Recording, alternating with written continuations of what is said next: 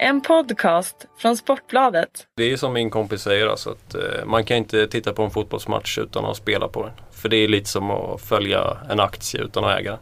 Totalt värdelöst.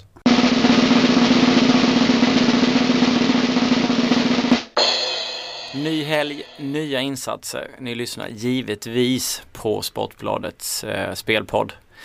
Eh, Fredrik Jönsson som vanligt ska sitta och traggla igenom den här podden. Som tur är så är jag ju inte ensam. Jag har ju den förlorade sonen som gör comeback här. Fredrik Pettersson. Jajamän, nu är jag tillbaka efter en månads uppehåll. Känns mycket bra. Du har varit over there och kollat lite på NHL och annat. Det har varit. Jag har knarkat eh, NHL nu i en månad och varit på plats. Det ju, har haft det väldigt bra faktiskt. Men nu är jag hemma igen laddad till tusen. Betyder det att du rekar NHL i podden nu?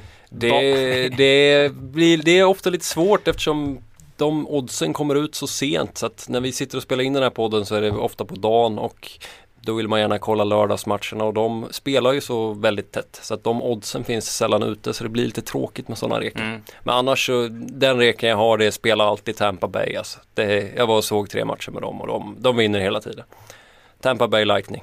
Grymt lag. Så länge inte laget de möter spelar något gammalt eh, Frölunda 1-3-1 där de stoppar dem i mittzon för då får de väl Ab lite problem. Absolut, absolut. Och de har ju alltid varit ett lag som spelar väldigt mycket. De har liksom fokus ligger på offensiven.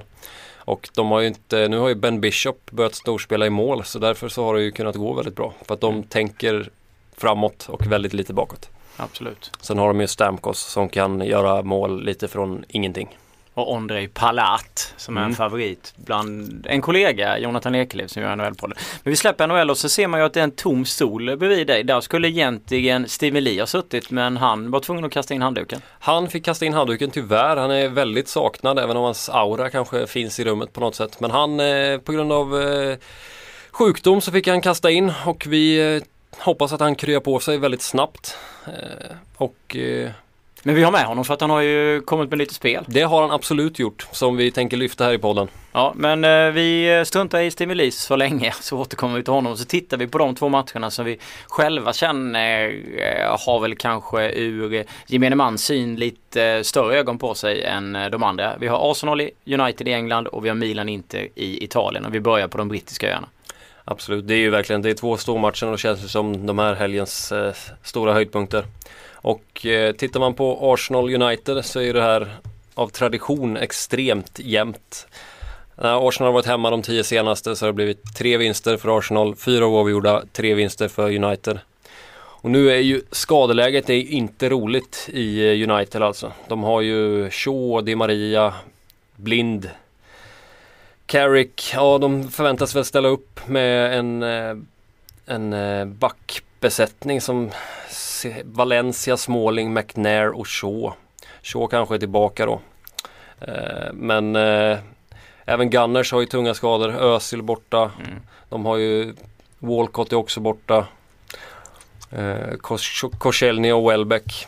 Så det är, det är två väldigt vinklippta lag som ställs mot varandra här. Men jag tror ändå att hittat ett bra spel i båda lagen gör mål. Mm. Att det brukar väldigt, väldigt sällan bli mål. Det brukar inte bli några så här Chelsea-matcher där ett lag bara backar hem och fokuserar på liksom defensiven. För det är, det är två lag som inte riktigt, de funkar inte på det sättet. United kunde kanske spela så förut men spelar inte så nu under nya coachen. De har liksom inte riktigt hittat den tryggheten och speciellt inte med den här backbesättningen. Eh, och eh, Sanchez har varit stekhet på sistone.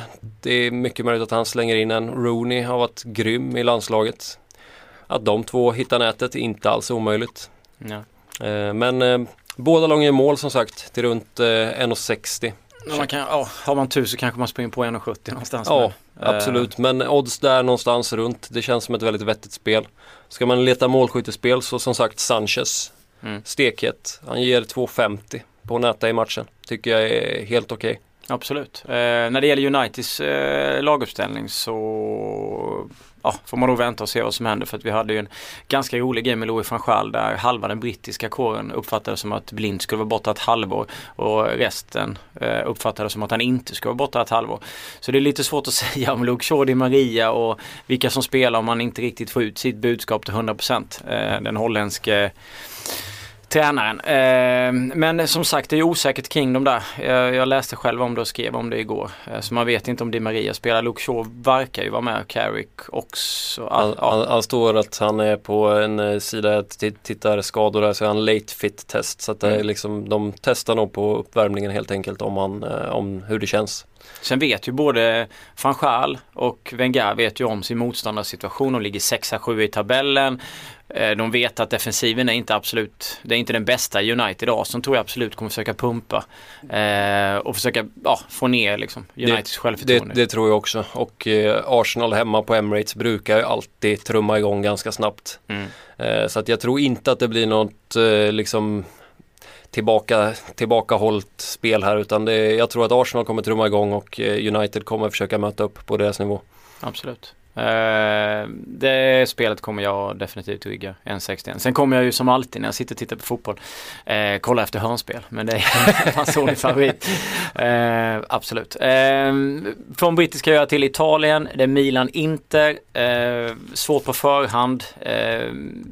Inte så mot Parma, imponerade absolut inte. De såg ju klart bättre ut i början på säsongen men det sista man såg av dem var inte sådär jättebra. Milan är ju upp och ner. Eh, definitivt. Eh, gjorde väl bra mot Sampdoria. De fick med sig eh, ett, eh, ja, gjorde väl en hyfsad insats där. Innan det så föll de mot Palermo tror jag med 0-2. Zapata hade en olycklig insats efter att ja, Alex gått sönder. Eh, hur som helst så har det varit ganska mycket mål i Milans matcher och inte det här stabila italienska försvaret direkt i varken Milan eller Inter så har det ju varit ganska länge. Och jag känner ju någonstans att båda lagen gör mål, nu kanske jag kopierar din idé, känns också bra här till 1,80. Eh, att det känns lite som att det ena laget tar ledningen, sen är inte någon av lagen så pass stabila den här säsongen att de kan hålla den ledningen eller, och så vidare. Så jag tycker ändå att ja, det spelet är bra. Det är ju ett derby också så att man får väl tänka på det. Det är ju hemmalag för båda för båda lagen. Nej, jag, jag, jag, håller med dig. Ja, det, är inget, det är inget av de lagen som liksom spelar som Chelsea som kan göra 1-0 och sen stänga en match. Liksom att, ja, sen kommer inte det andra laget så mycket längre över mitten utan jag tror att det här kommer vara kämpa till, liksom, till 90 minuter plus tillägg. Så att, eh, båda lagen i mål känns absolut. Det är inget av lagen som har någon sån här Det är inga nyckelspelare som är på skadelistan heller. Utan eh, Ja, Milan har väl de Jong, Montari är väl eh, osäker, Abate är också osäker men eh, Montolivo skulle, eh, är väl definitivt borta tror jag. Och tittar man på dem så ligger de 7 och 9 i tabellen. Eh, efter 11 omgångar så gör Milan runt 20 mål, inte lite mindre produktiva men de släpper ändå in 16 respektive 14. Eh, Milan har inte vunnit någon av de fyra senaste, inte har inte, inte vunnit någon av de två senaste. Så det är nog ganska viktigt att få en poäng i det här derbyt. Därav så tycker jag väl att 1-1 kanske, ja det kan bli en chanspeng på det men det var inte någonting jag skulle med ett bankkonto på. Men, men det här emot tycker jag ändå att bolagen i mål eh, känns som, ett, känns som ett bra spel. Jag är enig. Ja, det var väl toppmatchen. Jag vet inte om vi ska hoppa tillbaka till de brittiska öarna där vi har lagt lite mer fokus. Uh... Det känns som att jag i alla fall kollat mest på Premier League den här veckan. Ja. Uh, ett annat spel som jag tycker är bra är uh, Everton. Hemma mot West Ham. West Ham som har imponerat på mig den här säsongen men nu är Stuart Downing och Diafra Sakho osäkra. Så att jag tycker redan innan att Everton ska vara favorit och att de är ett ganska bra spel till runt två gånger, 1,90 två mm. gånger där någonstans. Eh, men eh, saknar West Ham de här två pjäserna, för det är ändå två nyckelfigurer även väldigt mycket i det offensiva spelet. Mm. Då tycker jag att det är ett ännu bättre spel. Så det kan vara läge att invänta startelvorna för hur stor peng man vill lägga på det. Men eh, Everton ska ha bra chans hemma mot eh, West Ham. Och det är ett, även ett sånt lag som, om när vi kommer till stryktipset senare, som jag nog eh, skulle spika. Absolut, West Ham har ju ändå imponerat, ligger fyra men det är ju ett energistarkt lag på hemmaplan. Oftast, de slog ju City hemma eh, med 2-1 var det väl men efter det så har det varit 2-2 mot Stoke borta och 0 mot Aston Villa hemma. 0 mot Aston Villa hemma är ingenting man skryter med eller kan jämföra med prestationen mot City. Eh, men eh, ja, borta är det väl lite upp och ner för dem. Eh, och jag känner ju också att Everton ja, känns som ett bra spel när man får, när man får det, alltså 1,85, 1,90. Hade det däremot varit 1,45, 1,50 så kanske jag hade avstått men jag tycker ändå att det är värt en peng på dem. Jag tycker att det känns som att det ligger några tiondelar för högt som sagt. Ja. Och kollar man på Everton senaste så har de vinst oavgjord, vinst oavgjord, vinst oavgjord. Så det borde ju bli Ja. vinst igen då. Ja, du tänker så. Ja, men det är skönt. Eh, det, man kan ju alltid prata om reaktioner också eh, och så vidare. Eh, därav så går jag vidare. Jag vill hålla, behålla mig i England men jag, jag kör nästa spel. Jag, det är Hall Tottenham eh, över 2,5. Eh, Hall hade ju en fin insats mot Arsenal för några veckor sedan, spelade 2-2 borta. Sen efter det har det varit ganska mycket nollor men jag tycker att det är ett det finns spetsspelare där och eh, Tottenham har inte varit så stabila i år. Det är upp och ner. Eh, om man tittar på till exempel insatsen hemma mot Newcastle när man leder med 1-0 efter, efter 45 minuter så är jag ute och har allting under kontroll. Sen bara smäller det tidigt i andra och sen vinner Newcastle den matchen. Och sen är det lite upp och ner i ligan. Eh, slår väl eh, de flesta lagen i Europa League och känns stabila där men det är inte alls samma i England. Jag tror att det här blir en ganska målrik match mellan Hall och Tottenham. Och det är ofta så här att som West Ham när de besegrar City. Ett storlag kommer på besök, man är, har ganska mycket energi på hemmaplan, man vill bevisa någonting. Det känns som att det är ett sånt läge mellan Hall och Tottenham eh, för Halls del. Därför tycker jag att eh, över 2,5 eh, mål i matchen till två gånger degen är ett hyfsat spel. Ja, jag håller med. Jelavic har ju haft en knäskada, väntas vara tillbaka också. Han är ju Mm. otroligt viktig för Han leder väl interna skytteligan i, i Hall. eh, Så att...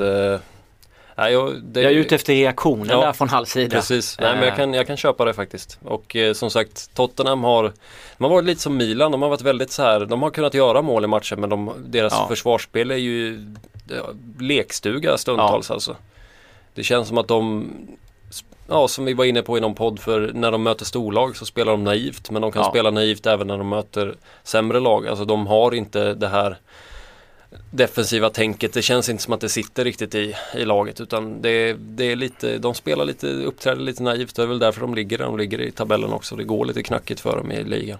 Nu var du väl utomlands när Tottenham mötte Stoke. Jag är inte säker på att du såg den men de förlorade 2-1 hemma och det försvarsspelet där var ju ingenting man liksom skryter utåt med direkt. Så att, nej, ja, det känns som ett bra målspel eh, mellan eh, Hall och Tottenham över 2,5. Absolut.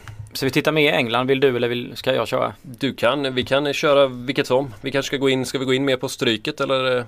Eh, Jag tänkte vi kunde, jag tycker att Norwich Brighton, vi surrade om den här matchen innan sändning. Norwich har vi ju hyllat i, i den här podden tidigare. Nu leder de ju inte Championshipen. De känns som ett, ja, ett av de absolut bästa lagen. Möter Brighton hemma som jag tycker är ett eh, ganska naivt fotbollslag. Inte så, inte så jättestabilt och Norwich är ändå 1,85 på hemmaplan.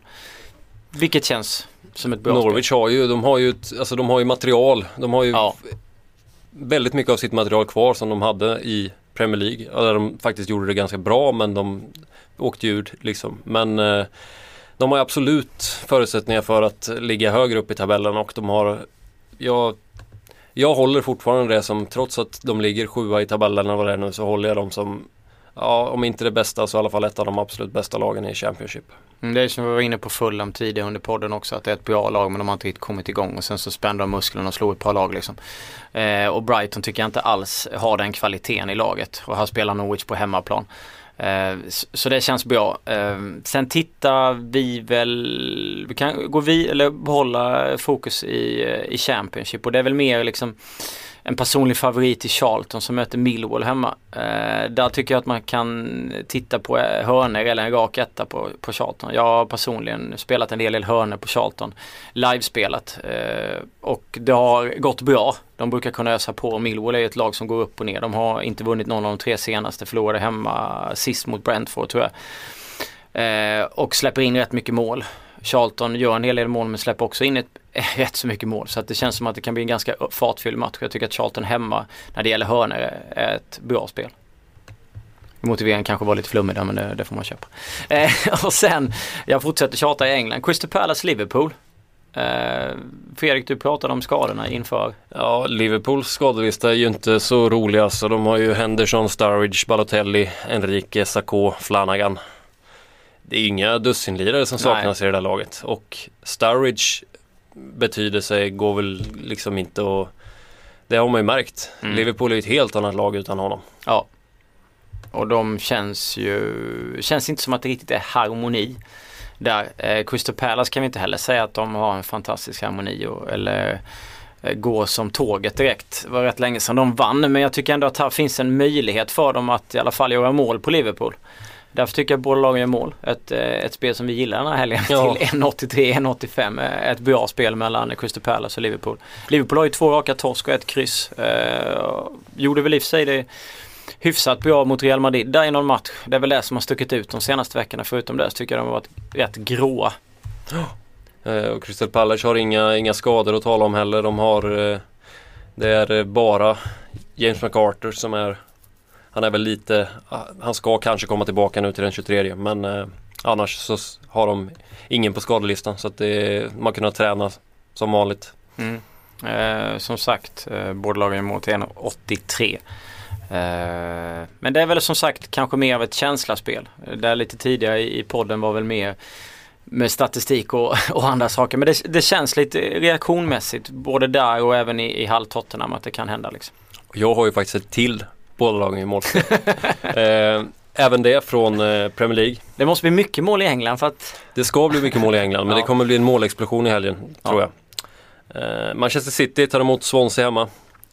Eh, Company är eh, osäker. Väldigt viktig där bak. Eh, och de har blandat och gett lite City. De har släppt till ganska mycket mm. chanser men de har kunnat vinna många matcher ändå för att Agüero har gjort tre mål på mm. skoj liksom. Eh, och eh, Swansea blandat och gett lite. Nu vann de mot Arsenal 2-1. Eh, och jag tror absolut att de kan få hål på Hart. Det och 1,72 får man på det överspelet. Det tycker jag är ganska bra. Jag gör tummen upp. Ja. Man ska komma ihåg, men vi har ju pratat om det tidigare när det har varit landslagsuppehåll och det kommer in i klubblaget. Vissa lag kan ju vara lite vinklippta i början för att man är lite så småsliten och det tar ett tag att få igång maskineriet medan de här andra lagen kanske, ja, lägger ju givetvis märke till det och City har ju släppt in mål. Alltså herregud vilket förlorade ju hemma i, mot CSKA Moskva till exempel i Champions League. Tappade 2-0 borta mot dem och allting såg helt säkert ut. Så att jag litar absolut inte på dem. Sen kan den här reaktionen komma med City att de får ordning på precis allting och då är det ett av Englands bästa lag ihop med Chelsea och då kan vi sitta här och Ja, men då kan vi sitta här med skägget i brevlådan. Ja, men, precis. Eh, det är ju, jag håller med dig där. City är, ganska, det är ett ganska oberäkneligt lag. Alltså ibland så kommer de ut och gör en jättematch mm. och nästa match så kommer de ut och är ett riktigt bottennapp. Mm. Det såg vi inte, inte minst i CL liksom mot ja. CSKA Moskva. Det var ju sett till materialet de har så var det ju ett fiasko liksom. Men sen kan ju som sagt också bli en enkel seger. Men jag tycker att... Det, det, känns som att det beror väldigt mycket på vilket humör Agüero är på många gånger. För mm. han gör väldigt mycket i det där laget på egen hand. Mm. Nu är Silva skadad också. Han är ju också viktig för offensiven. Väldigt smart, liten teknisk spelare. Absolut. Vi hoppas som sagt på väldigt mycket mål i England. Det gör vi. Eh, för att det ska kännas bra när vi går och lägger oss någonstans på lördagskvällen. Eh, vi hoppar från eh, betting till stryktips. Där, ja, Fredrik vad känner du när du tittar på kupongen? Jag får lyfta mitt Charlton på Plats nummer 9 hemma mot Millwall, en spik till 51%. Jag gillar det, jag, ja, jag gillar Charlton helt enkelt. Och jag fick in dem fint eh, senast var stryket borta till 16%. Jag, ja, känns som ett bra lag medan Millwall inte alls är så stabila. Så 51% känns nyktert. Jag var lite inne på det innan, Everton till 52% tycker jag är ett fynd. Kommer jag nog spika faktiskt. Sen tror jag även att eh, Stoke Burn, Stoke har bra chans hemma. De är lite tråkigt mycket sträckare, 71%. Men Burnley är väldigt trötta alltså. Det, det syns väl på deras statistik också. Jag vet inte hur många torsk de har i rad. Nu vann de väl senast mot Hall men det är väl enda, sen hade de väl tre, tre raka torsk tror jag innan dess. Mm. Eh, och eh, Stoke hemma med stora, starka, tunga. De är väldigt jobbiga att möta. Eh, jag tror att de har bra chans. Och sen eh, som sagt Arsenal United. Jag tror ju inte Visst, Arsenal kanske är något favorit med tanke på skadläget i United men jag tycker att det luktar väldigt mycket kryss om den här matchen. Vågar du singelkryssa? Jag vågar nog singelkryssa. Mm. Eh, jag kan väl, jag har ju mitt Newcastle. de möter QPR hemma och Newcastle har ju imponerat. Jag, de har förvånat mig eh, innan uppehållet. Tog flera viktiga segrar. Det kan absolut komma en reaktion. Litar inte på dem. Tycker att 69% är högt kommer definitivt ta med krysset till 18%. Eh, har ju lite av en personlig favorit i Charlie Austin. Eh, det han har gjort på slutet och tittade faktiskt på honom som målskytt men tyckte att tre gånger degen var lågt på en eh, på en kille i QPR på det, bortaplan. Det känns väldigt lågt. Nu saknar väl Newcastle Porcini. Ja precis. Eh. Kapten och mittback viktig. Eh, så att Ja, jag vet inte. Krysset tycker jag till 18%. Eh, jag tycker det ska med. Absolut. Sen tittade jag på match 4 så blev jag lite konfunderad över att Sunderland sträckade bara till 30% och att Leicester är ganska klar, klar favorit där. Får säga att Leicester har på de sex senaste har de fem förluster och en oavgjord. Mm. Du hade velat ha högre procent på Sunderland? Jag eh, ser nog, eh, och jag ser även på, på oddsen så är ju Leicester väldigt klar favorit. Och eh, där vill jag höja ett varningsfinger för eh, Sunderland alltså. Mm. Har ingen riktig koll på trupperna just där men jag förstår ju feelingkänslan bakom, bakom resonemanget. Leicester har ju de sänkte United och det känns som att det var det de har gjort. Eh, och någon annan enstaka. Annars så ligger de liksom tredje sist med nio pinnar, elva gjorda mål på elva matcher. Sandland eh, har väl tagit ett par poäng till men det finns ändå en del eh, kvalitet i det laget också. Så att 30% är väl en bra spik om man, om man har feeling på det. Definitivt. Absolut. Sen eh, match två, det är väl en sån jag hade velat försöka fälla Chelsea men nu Fabregas har varit och tränat i veckan så de ser ut att vara fullt manskap. Hemma mot West Bromwich, nej. Det, de bränner inte det tyvärr. Nej. Så att jag tror att där får man tugga i sig att ja, de är sträckade till över 80% men ja, om man vill kanske man kan lyxa till det med ett kryss men tvåan tycker jag är helt onödig där. Då får man ha ett stort system om man ska ha krysset. Eh, det var väl eh, stryket. Jag eh, ska köra emellan här eh, med eh, liten Steven Lee. Han hade ett skönt spel i Italien. Eh, Verona Fiorentina. Den kanske vi hittar på Europatipset? HTFT tyckte han ju var värt att spela en, en poäng. Nu sitter jag här och letar efter det. Det är ju helt otroligt att jag kan glömma av det. Men jag är nästan hundra säker på att det var att Fiorentina skulle eh, leda i halvtid och att Verona skulle kvittera till 17 gånger degen. Vad säger du? Det låter ju som ett eh, spännande spel. Jag själv har ganska dålig koll på just italienska ligan. Ja. Men eh... Verona Fiorentina, så Verona hemmaplan. Eh, två i halvtid och kryss. Viola är ett bättre lag som sagt tar säkert tag i det i början och sen så kan eh, Verona komma tillbaka och kvittera hälsostimuli. Så att eh, Ja, 17 gånger degen. Det lockar ju alltid med stora spel. det gör det och jag har alltid fullt förtroende för Steven Lee så att eh, jag skriver under på det mesta han tycker. Mm. Sen flaggar han ju om vi tittar på eh, Europatipset för underdogsen i, eh, där i Italien ser jag. Som sagt Parma Empoli. Eh, Parma hemma till 66% möter Empoli där 12% är eh, ett kan till och med bli en spik för Steven Lee hälsar han. Och jag kan ju förstå varför. Parma har inte varit det mest stabila laget eh, den här säsongen och till 66 det känns lite gangsta. Så de ligger sist i, i, i Serie A och släppt in närmare 30 mål på 11 matcher och möter Empoli. Nu ska inte jag säga att Empoli är det mest stabila laget men om man tittar på streckfördelningen där så den känns ju inte den helt rätt alltså. Den känns väldigt skev och Empoli slog ju faktiskt Lazio senast. Mm. Eh, och eh, som sagt Parma torskade med 7-0 mot Juve ja. det, Så att, att Parma skulle vara klar favorit här förstår jag faktiskt inte alls. Sen har vi Udinese Kiev och Kiev har inte haft en jätterolig säsong heller. Men om inte jag har helt fel så vann man ändå senast. Möter Udinese som jag eh, har eh, vunnit en del deg på den här säsongen men även har de haft lite sådär. Nu läste jag någonstans att de kan sakna en hel del folk eh, till på söndag. Och de är alltså sträckade till 75% hemma mot Kiev. Krysset står i 15, tvåan står i 10. Jag tycker att krysset definitivt ska man, jag funderar till och med på singelkryss där, klassisk. Om man saknar lite folk så vågar man inte gå för det så blir det Italien 0-0-1-1. Ja, you know the drill. Spännande.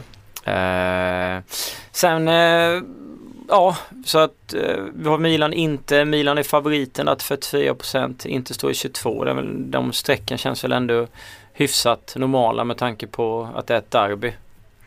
Hall Tottenham. Ja, som sagt. Kan gå lite hur som helst. Det ska bli mycket mål. Ja, det är ju det vi vill att det ska bli. Så att eh, ska man, vill man ha några drag så kanske man ska lyssna på Steven Lee där med eh, att man kör på underdogsen. Och det skulle den här delen vara att, för den här delen då vara att se upp med Verona 24% hemma mot Fiorentina, inte borta mot Milan 22%, Empoli borta mot Parma 12% snackas som en spik från Steven Lee till och med Udinese Kevo där Kevo är underdagen till 10%. Det är fina streck. Det är det absolut och jag skulle även varna för Bordeaux mot Marseille. Bordeaux, tre raka vinster. Marseille till 74 procent. Nja, jag tar tidigt med krysset till 18. Ja absolut. Marseille såg ju fantastisk ut. Åkte på lite eh, skador och grejer. Torskade väl mot PSG. Eh, har lite problem i klubben. Med skit runt omkring. Presidenten arresterad och massa andra grejer. Uh, det roliga där var ju att John Guidetti ryktades lite lätt dit. Det kan man ju Det skulle vara kul. Peppa på med salt men 74% känns ju som en galen favorit på uh, Det känns lite för högt. Mm, så jag köper uh, absolut att du vill ha med ett uh, kryss. Sen får man ju alltid se upp med när det varit landslagsspel. Reaktioner givetvis och då finns det ju ett par favoriter till att se upp Man tittar ju oftast på, om man kollar på Europa typ så är det jättemånga som ofta ligger över 70%. Men sen blir det ändå en hel del deg för att många fälls. Det är ju så, man behöver ju inte fälla så många. Det kan räcka med att du fäller en, två som ligger över 70. Mm. Så kan det utdelningen rusa ganska snabbt. Absolut. Känner vi att vi wrap it up och bara säger tack och hej för idag? Det känns nästan som att vi har fått ur oss det vi ville va? Ja, absolut. Eh, vi ska ju försöka skicka ut spelen under helgen. Har väl inte riktigt bestämt om vi kör ett fett stryket eller om vi... Det återstår att se på Twitter va? Ja, precis. Tack för den här gången. Tack, tack. Trevlig helg.